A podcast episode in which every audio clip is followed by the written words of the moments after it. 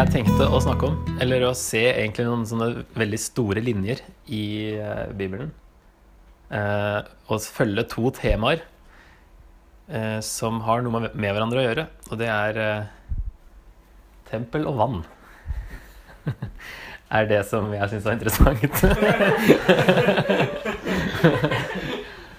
så det blir en del bibelvers, da, men det ble heldigvis ikke så mange som det kunne ha blitt hvis ikke jeg hadde sittet i hele går og, og smalne temaet litt. Eh, men eh, dette med tempel Hvis vi begynner i eh, Jeg har jo Ja, egentlig de lengste avsnittene de har jeg bare henvisningen til. Men her Det bildet er jo en clue, da. Noen som vil tippe hvilket avsnitt det er? Det er, det er vel Jacobsen Ja. Ja. Den drømmen. Eh, såkalte himmelstigen. Så eh, Første Mosebok 28 12 til 17.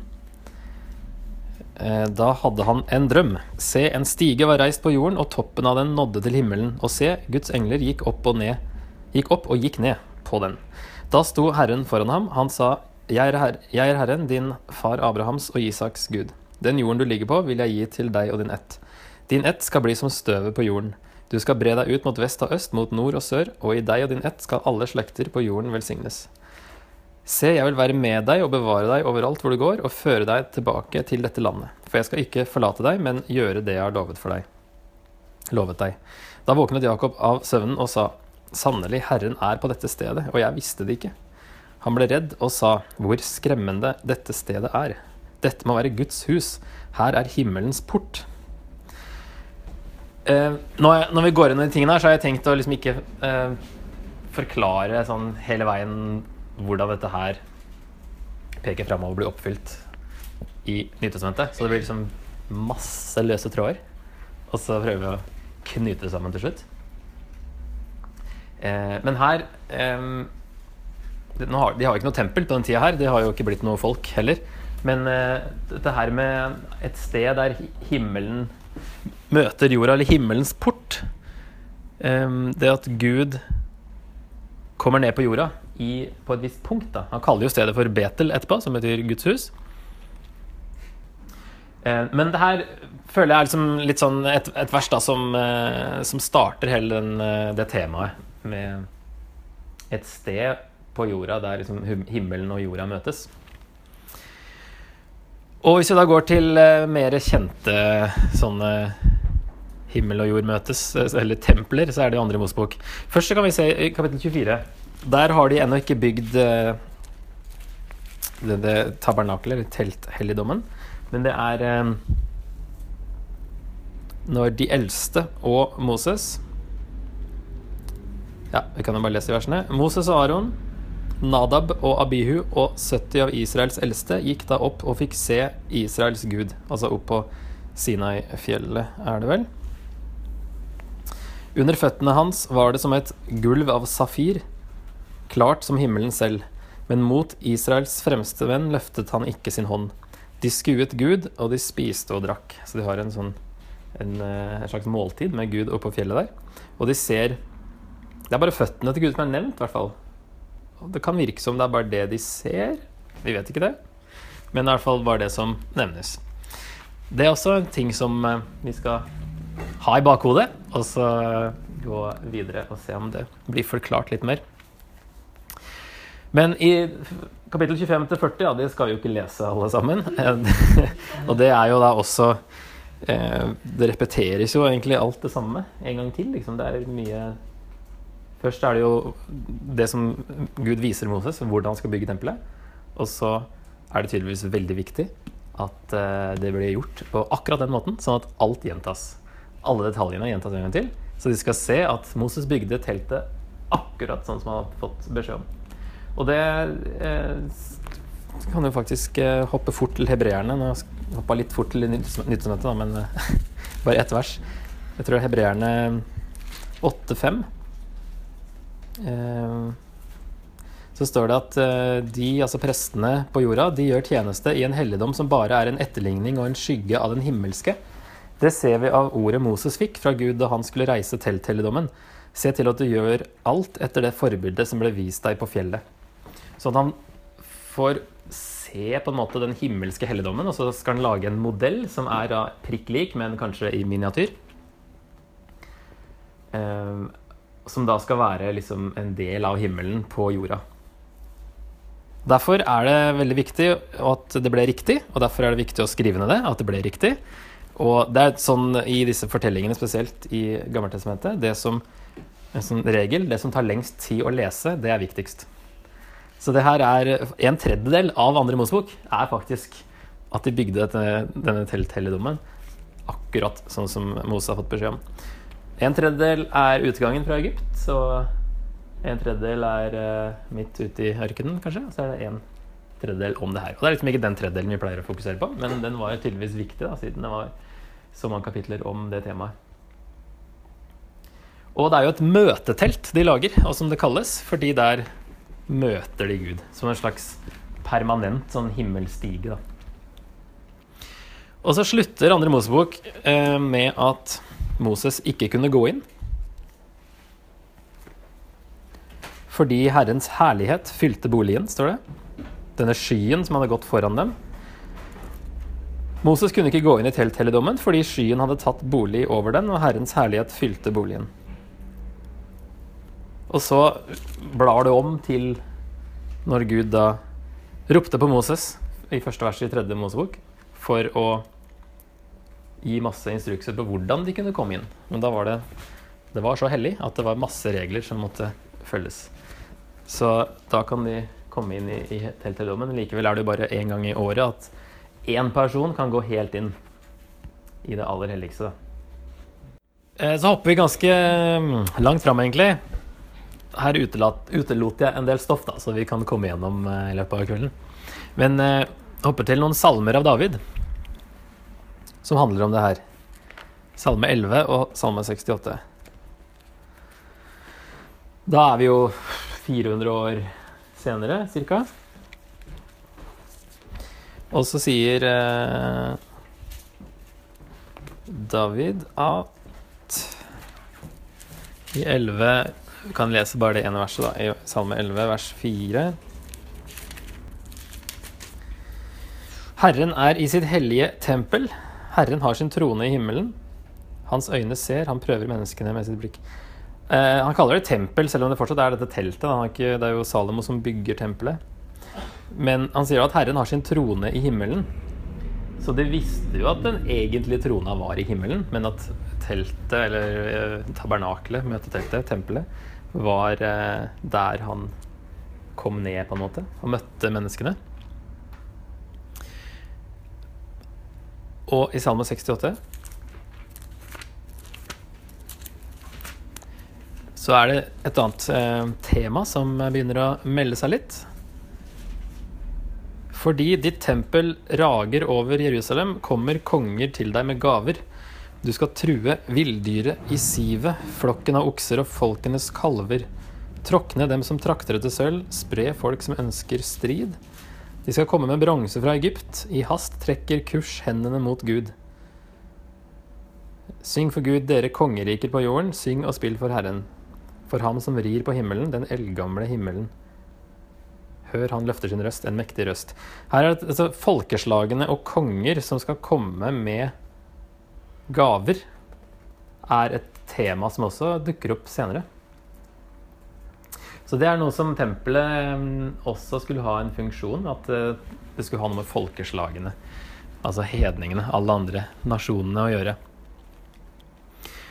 Så etter at Salomo har bygd eh, tempelet, så har han en sånn åpningstale i første kongebok åtte.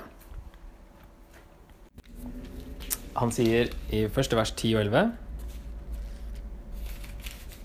Eller det er faktisk ikke før, det er ikke han som sier det, men det er eh, Nå har de jo bygd tempelet, og så skjer det samme som skjedde i andre Mosebok.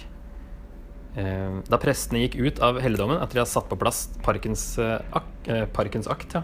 paktens ark, så gikk prestene ut av helligdommen. Da fylte skyen Herrens hus. Prestene kunne ikke stå og gjøre tjeneste pga. skyen, for Herrens herlighet fylte tempelet. herlighet er jo denne skya, og Guds nærvær. Eh, så der skjer det samme igjen. De kunne ikke gå inn fordi Gud hadde kommet. Eh, så ganske sånn, igjen en sånn kraftig eh, hendelse. Og så ber Salomo i eh, vers 27 blant annet, så sier han da Men bor Gud virkelig på jorden? Se himmelen og himmelers himmel kan ikke romme deg, langt mindre dette huset som jeg har bygd. Så de vet at Gud ikke bor i tempelet. Og at Gud er så stor at selv ikke himmelers himmel, den ytterste eller den eh, Det er litt samme uttrykk som aller helligste. Det helligste av hellig, uh, Ja, det helligste av det hellige. Kongenes konge. Himlenes himmel. Det er liksom sånn Ja, og høysangen som er uh, sangenes sang. Det er liksom sånn den, det aller største, da. Så selv det kan ikke romme Gud, og i hvert fall ikke det huset som han har bygd. Så de er klar over det. Og i eh, vers 41 og til 43 så ber han, Da kommer dette med disse folkeslagene igjen, når han sier det kan også hende at fremmede som ikke hører til ditt folk Israel, kommer fra et land langt borte for ditt navns skyld. For de skal få høre om ditt store navn, din sterke hånd og din utstrakte arm. Når de så kommer og ber, vent mot dette huset, da må du høre dem i himmelen der du troner, og gjøre alt det de roper til deg om.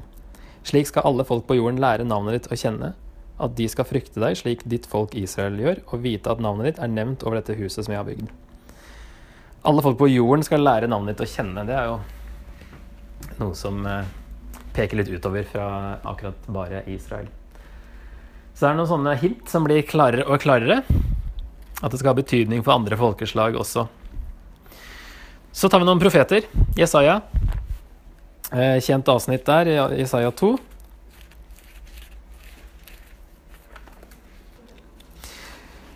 Så det er det tempelberget, altså fjellet, Herrens fjell, som også er nesten tror det er et nytt tema, dette med fjell, men det er jo fordi tempelet sto jo oppå fjellet, oppå Sionhøyden.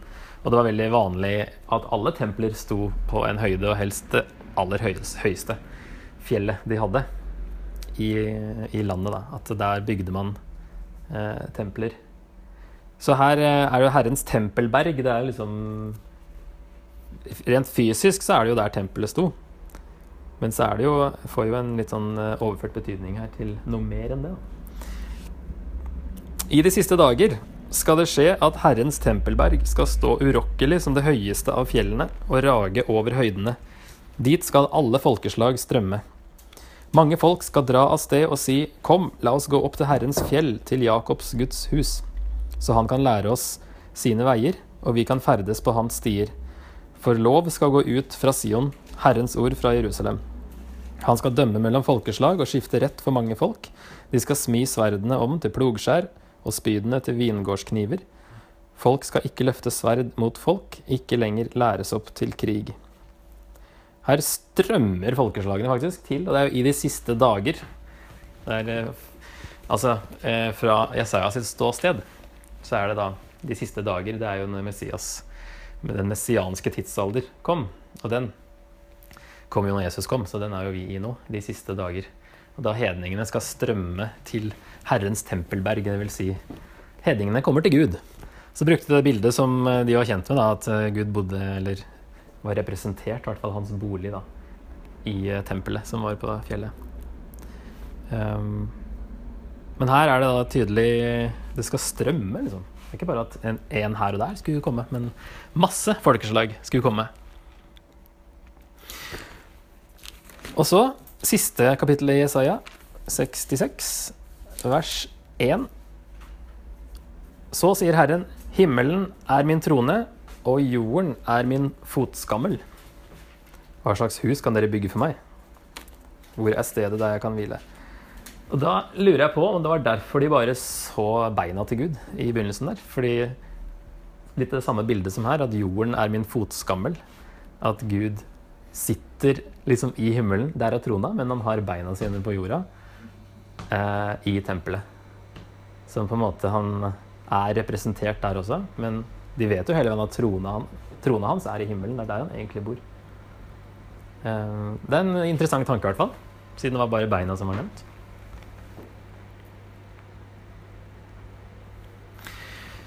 Så hopper vi til Joel. Der kan dere slippe å slå opp, for det er bare ett vers der. Den dagen skal det skje at fjellene drypper av druesaft, og haugene flommer av melk, og i alle Judas bekkefar skal det renne vann. En kilde skal velle fram fra Herrens hus og vanne Akasiedalen.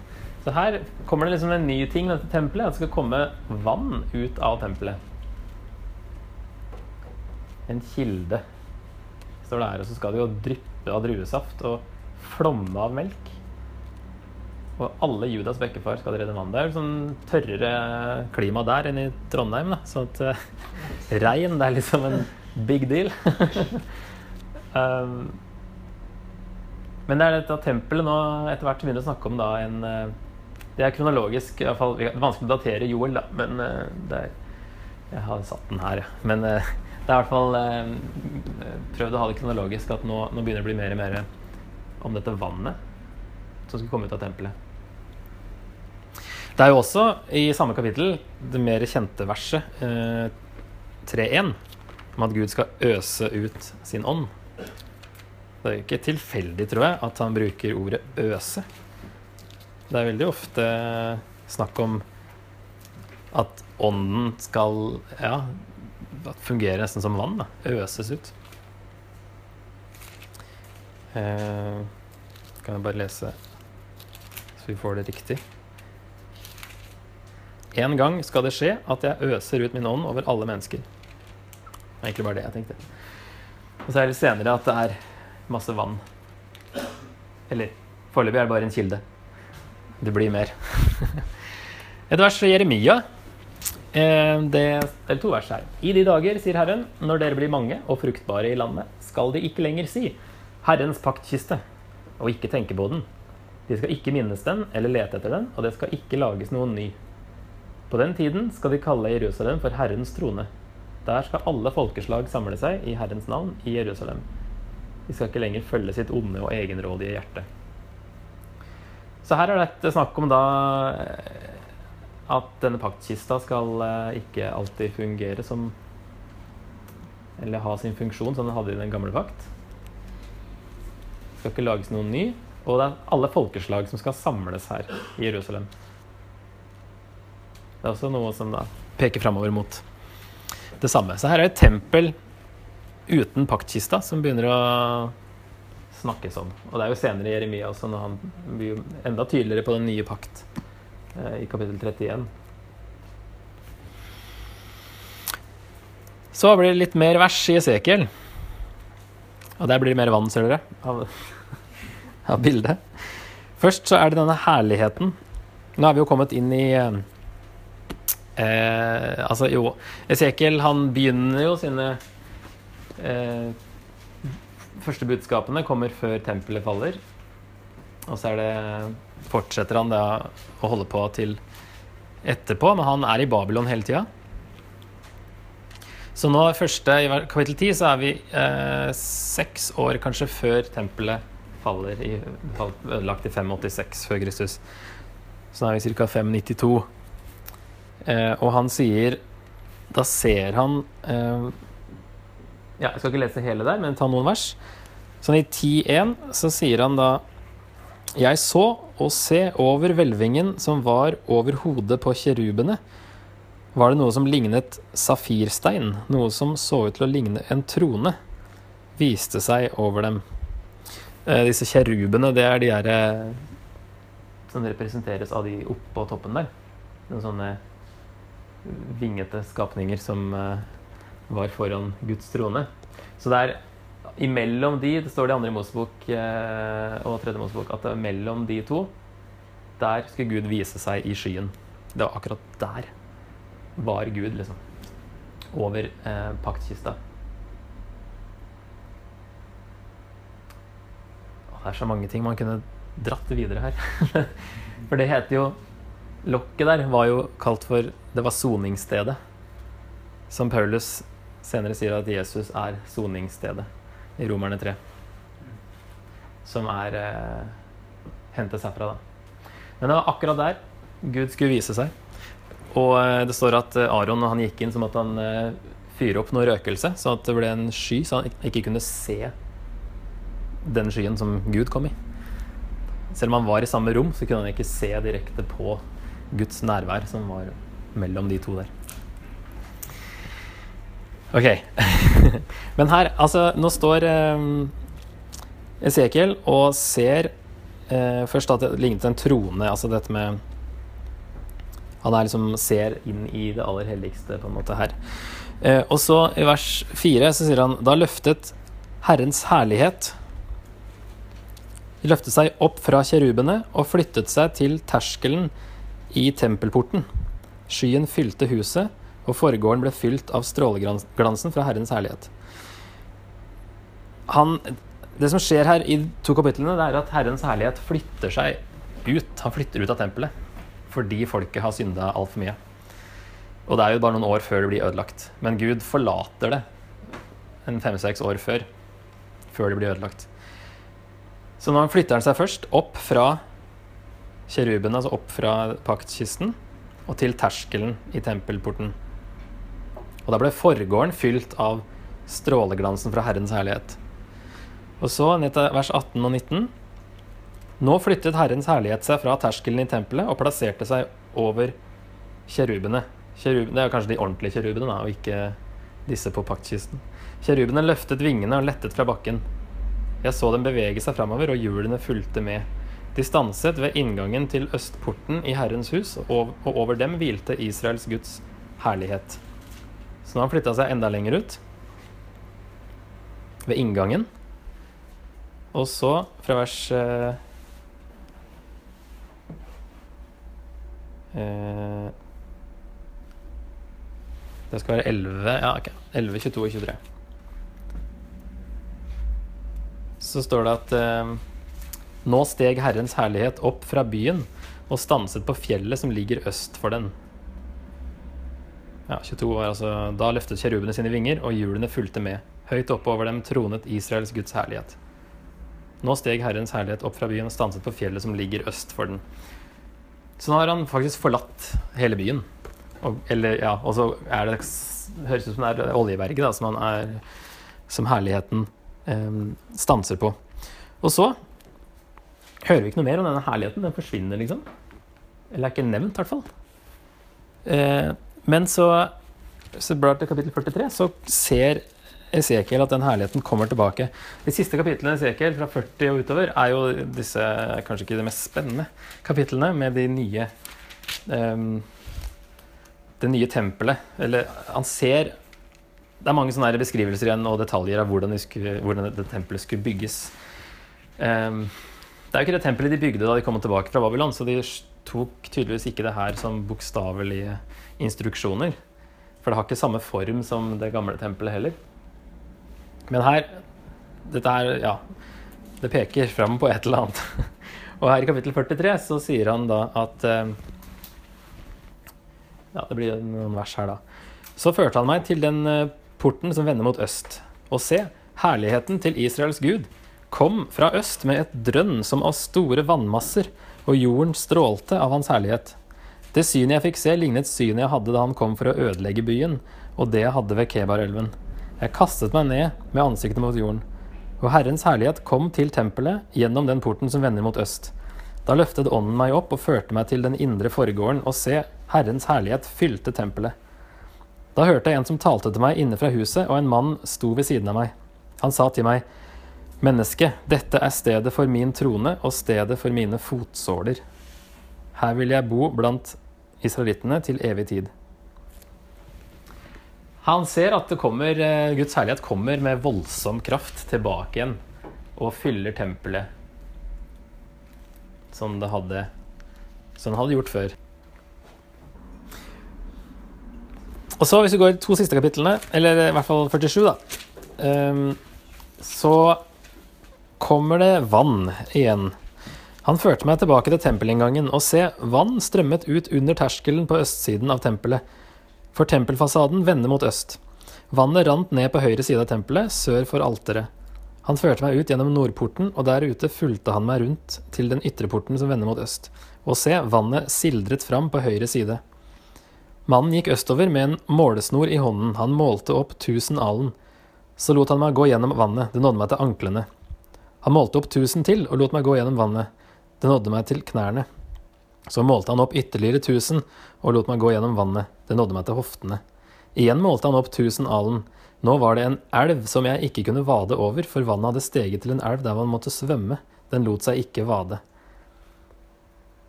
Her er det denne, det vannet som da begynner som en liten eh, sildrer ut, blir til en kjempeelv etter hvert. Eh, noe lignende det Joel hadde sagt. Og på slutten, siste verset i Esekiel, så står det Byens navn skal fra denne dag være Herren er der. Så da har herligheten kommet tilbake, og Gud flytta tilbake igjen til byen. Som da kanskje akkurat her ikke er bokstavelige Jerusalem i denne siste delen av Esekiel. Det tror jeg vi kommer tilbake til. Så eh, kommer de tilbake fra eksil, og så skal de bygge opp igjen tempelet. Eh, og så eh, er det Det står jo i Esra at de som hadde sett det gamle tempelet, de ble veldig skuffa når de så grunnmuren for det nye. Fordi det var så stusslig i forhold til det som Salomo hadde bygd. Eh, bygningsmennene, det er Esra 3.10 kan jeg lese bare. Bygningsmennene la grunnvollen til Herrens tempel. Så stilte prestene seg opp i fullt skrud med trompeter, og levittene, Asaf-sønnene, stilte seg opp med cymbaler for å prise Herren, eh, slik Israels konge David ville. Og så priser de Gud, og så står det Men mange av prestene, levittene og familieoverhodene som var så gamle at de hadde sett det første tempelet, gråt høyt da de så det tempelet som nå ble grunnlagt. Andre jublet høyt i glede. Det var ikke mulig å skille de glade jubelropene fra folkets gråt, for folket jublet så høyt at det hørtes vidt omkring. Men de som hadde sett det gamle, de sto og, og tuta i stedet. Skikkelig skuff eh, å se liksom lille tempelet her i forhold. Eh, og så kommer Hagai, eh, som da oppmuntrer dem i denne prosessen når de da skal bygge opp tempelet, og de ble litt hindra av noen naboer og litt sånn, så ble de litt demotivert. Og så er det annet da til de her som har sett det gamle tempelet. For han sier da i Haggai, det er det nest tredje siste bok i Gammeltestamentet, så står det i 2 vers 3 Er det noen tilbake blant dere som har sett hvor herlig dette huset var før? Og hva ser dere nå? Ser det ikke ut som ingenting? Så kommer det da liksom oppmuntring til de som da syns at det her ser ut som ingenting. Og så sier Gud, jeg rister alle folkeslag, så skattene deres kommer hit. Jeg fyller dette huset med herlighet, sier Herren over hærskarene. Dette nye huset skal bli herligere enn det første, sier Herren over hærskarene. På dette stedet skal jeg gi fred, sier Herren over hærskarene. Så først sa Esekiel eh, at herligheten skulle komme tilbake. Det var ca. 50 år tidligere. Så sier Hagai det samme nå, at det ser stusslig ut nå, men jeg skal fylle huset med herlighet. Og det skal bli herligere enn Salomos tempel. Ok, og så Samtidig så kommer Hagai. Eh, Zakaria. samtidig som Hagai kommer Zakaria. En av de rareste bøkene i Gammeltestamentet. Og han snakker bl.a. om i kapittel 6, om, det er neste bok eh, i Bibelen, om en, eh, en som han kaller for Spiren, er ikke det? Spire. Vers 12 og 13 i kapittel 6. Så sier Herren over herskarene, se en mann, Spire er navnet hans, under ham skal det spire. Han skal bygge Herrens tempel. Ja, han skal bygge Herrens tempel. Han skal vinne høyhet og sitte og herske på sin trone. Også en prest skal ha sin trone. Mellom de to skal det råde fred. Først er det dette med spire. Det er noe som han henter, eller som de kjente til fra uh, Jesaja. Uh, er det noen, som, noen andre som kjenner til det? Si? hva, hva Jesaja sa for noe som hørtes noe lignende ut?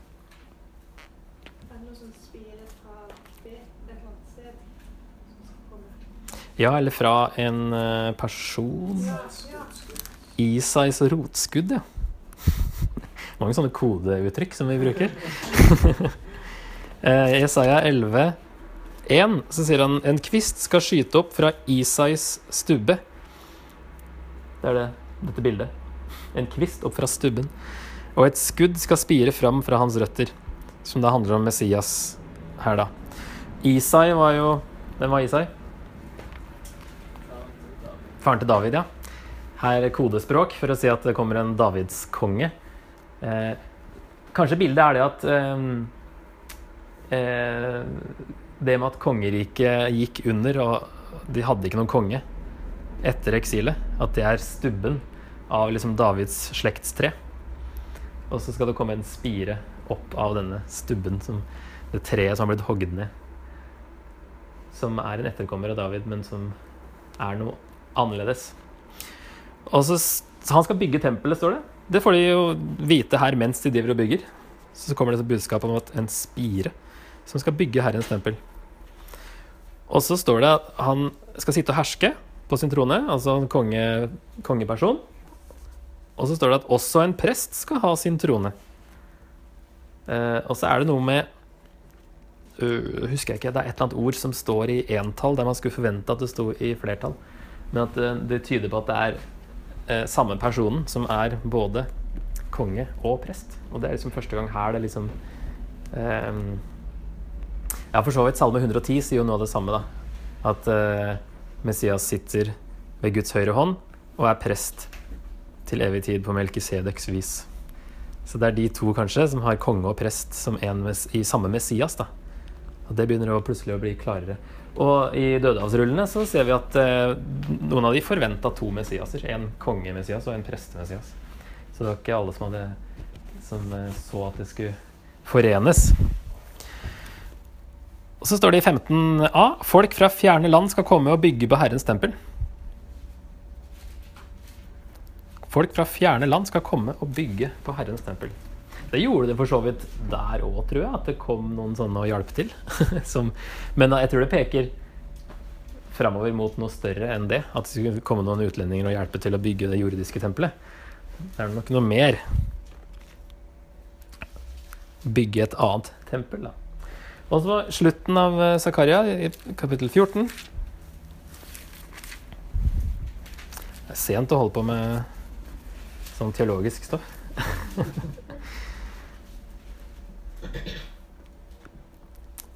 Eh, her eh, er det en sånn løvhyttefest som skal skje helt på slutten av Ikke bare på slutten av Zakaria, men det virker som det er på slutten av historien.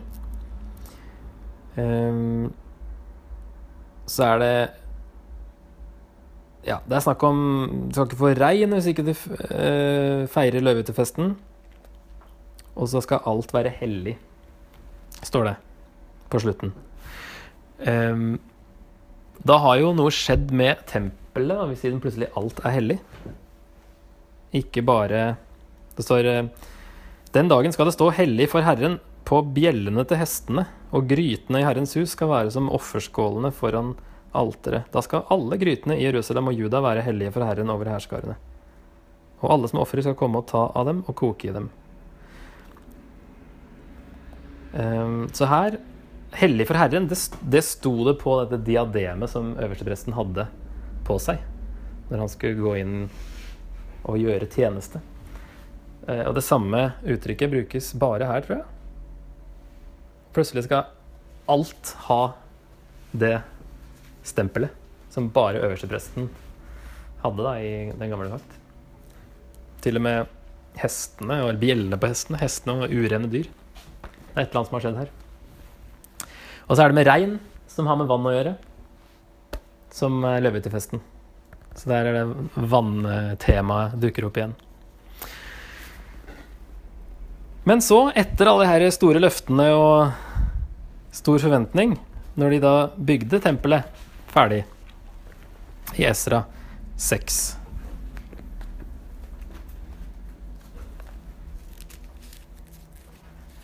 Så står det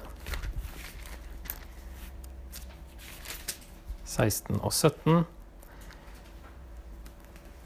Israelittene, prestene, levitene og resten av dem som hadde vendt tilbake fra eksil, innviet Guds hus med glede. Til innvielsen av Guds hus brakte de 100 okser, 200 værer og 400 lam, og til syndoffer for hele Israel 12 geitebukker, én for hver av Israels stammer. Og så står det at de feirer og var glad osv. Hva er det som ikke skjer her?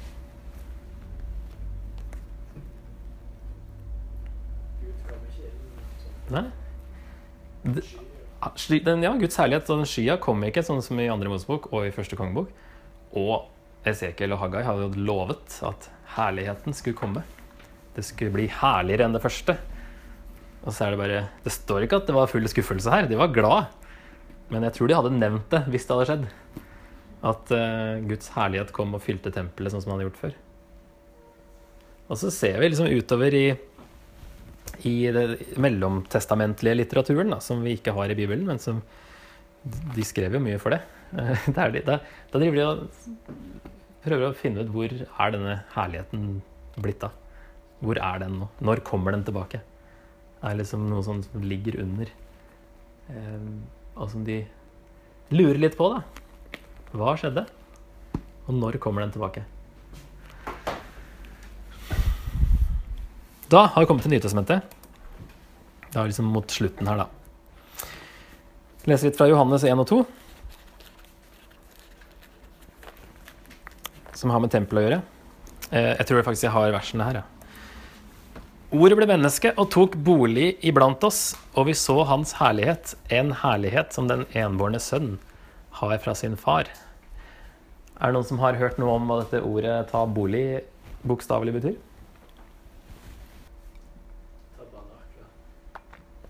Slå opp sitt telt, betyr det egentlig. Tabernak. Blir på tabernakeltur i eh, skogen. Slå opp sitt telt. Ordet ble menneske og slo opp teltet sitt blant oss. Og vi så hans herlighet, en herlighet som den enbårne sønn har fra sin far. Der kommer herligheten tilbake, og plutselig så er den den Gud som var så hellig i andre bok at uh, man døde hvis man gikk inn. Plutselig så er den herligheten uh, fullt åpenlyst og går rundt på gata. Liksom. Det er et eller annet sprøtt som har skjedd. Uh, og her er da et nytt tempel. At, ja, som ble slått opp blant menneskene. Og Jesus sier i litt senere i kapittelet der Sannelig, sannelig, jeg sier dere, dere skal se himmelen åpnet og Guds engler gå opp og gå ned over menneskesønnen. Hva er det han hinter om her? Husker dere helt tilbake til første sliden? Han er denne himmelstigen som eh, Jakob drømte om. I hvert fall den endelige oppfyllelsen av det. Som var liksom det som etter hvert ble tempeltanken, da. Og så sier han eh, senere i kapittel 2.: Riv ned dette tempelet, og jeg skal reise det opp igjen på tre dager. I 46 år har de bygd dette tempelet, og du vil reise det opp igjen på tre dager, sa de. Men det tempelet han talte om, var hans egen kropp. Da er det enda tydeligere at Jesus er dette tempelet. Eh, og at han eh, Ja, det har for, så vidt mer betydning også, som vi kommer straks til. Men en liten oppsummering så langt. Gud tok bolig i Jesus, som ble det nye stedet hvor Gud møter menneskene. Som er derfor Jesus er på en måte oppfyllelsen av tempelet. Men så er det ikke bare Jesus som er tempelet. Eh, Når Paulus sier i 1. Korinterbrev at eh, vet dere ikke at dere er Guds tempel, og at Guds ånd bor i dere? Dersom noen ødelegger Guds tempel, skal Gud ødelegge ham. For Guds tempel er hellig, og dette tempelet er dere. Så menigheten er også Guds tempel, fordi det også er der Gud bor. Der, ja. Litt for mange ord her. Fordi Gud bor der og møter menneskene der. Så når Jesus sier at han skulle bygge det opp igjen på tre dager, så er det også starten på dette tempelet som, som eh, skjedde da. Menigheten. Og i samme brev så sier Paulus også at vet dere ikke at kroppen deres er et tempel for Den hellige ånd, som bor i dere, og som er fra Gud? Dere tilhører ikke dere lenger dere selv, dere er kjøpt og prisen betalt. Bruk da kroppen til Guds ære. Så også den enkelte kristne er et tempel for Gud, fordi Gud også har tatt bolig i hver den som tror, og møter oss individuelt på den måten at vi alle har blitt en møteplass for Gud. Så både i Jesus og i menigheten og i hver enkelt av oss er nå Guds tempel.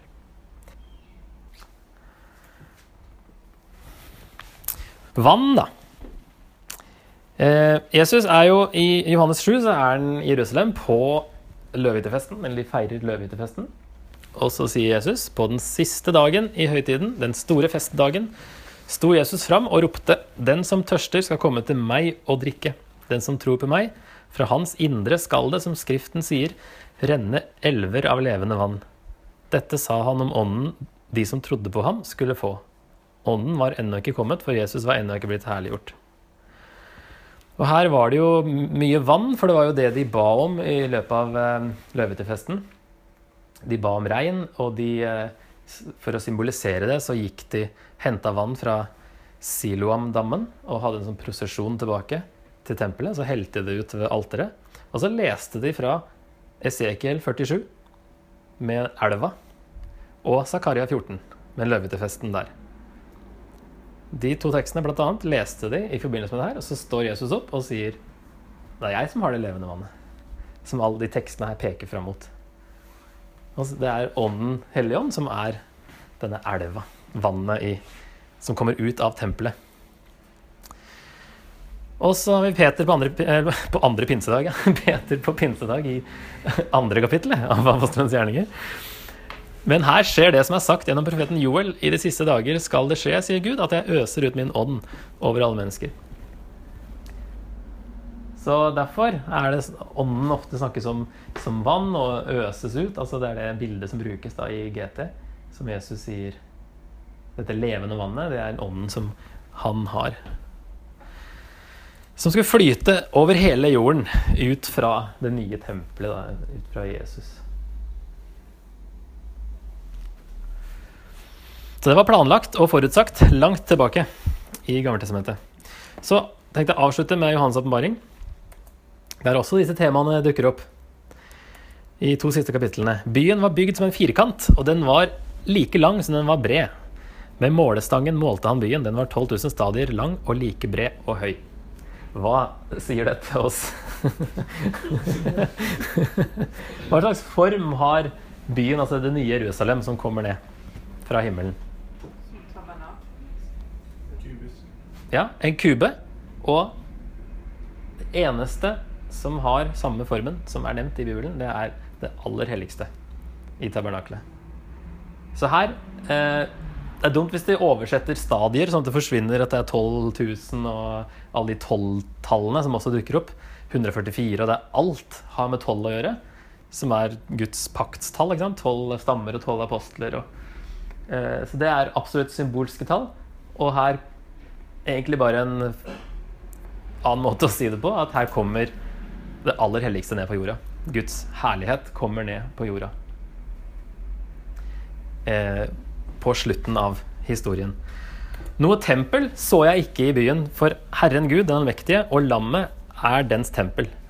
Og byen trenger ikke lys fra sol eller måne, for Guds herlighet lyser over den, og lammet er dens lys. Folkene skal vandre i lyset fra byen, og jordens konger skal føre sine rikdommer dit. Der kommer disse gavene. Byens porter skal aldri stenges etter dagen, for natt skal det ikke være der. Alt det dyrebare og verdifulle folkene eier, skal de føre inn i den. Også det samme som vi har sett hele veien, egentlig. Eh, Guds herlighet kommer tilbake for alvor ved slutten av historien, og folkeslagene kommer inn i byen med sine gaver og rikdommer, som ikke er ment bokstavelig. Engelen viste meg nå en elv med livets vann, klar som krystall. Den springer ut fra Guds og lammets trone. Og så sier Jesus til slutt her, eh, forklarer dette med Isai og Davids rotskudd. Jeg, Jesus, sier han, og så prikk, prikk, prikk. Jeg er Davids rotskudd og ett, den klare morgenstjernen. Så han er denne spiren som skulle komme ut av Davids, eller Isais stubbe. Så alt dette her eh, kommer sammen i de to siste kapitlene, faktisk, i Bibelen. Temp tempel tempelet vann, og folkeslag og, og Jesus. Så da endte jeg opp med fire punkter som jeg tenkte Det er ikke forma som spørsmål, men eh, vi kan jo snakke litt om det. hellighet. Eh, fordi den Fordi GTs hellige Gud bor i oss individuelt. At det blir Hvis det går opp for oss, så bør det bli en uh, inspirasjon til å leve Å det står ikke der, nei. til å leve hellig. Når den samme hellige Gud faktisk bor i oss nå. Og enhet fordi GTs hellige Gud bor i menigheten. Og at vi som menighet er hans bolig. Og Paulus sa at den som ødelegger Guds tempel, altså ødelegger menigheten, bryter ned menigheten, så skal Gud ødelegge ham fordi Guds tempel er hellig, og det er dere. Sånn at eh,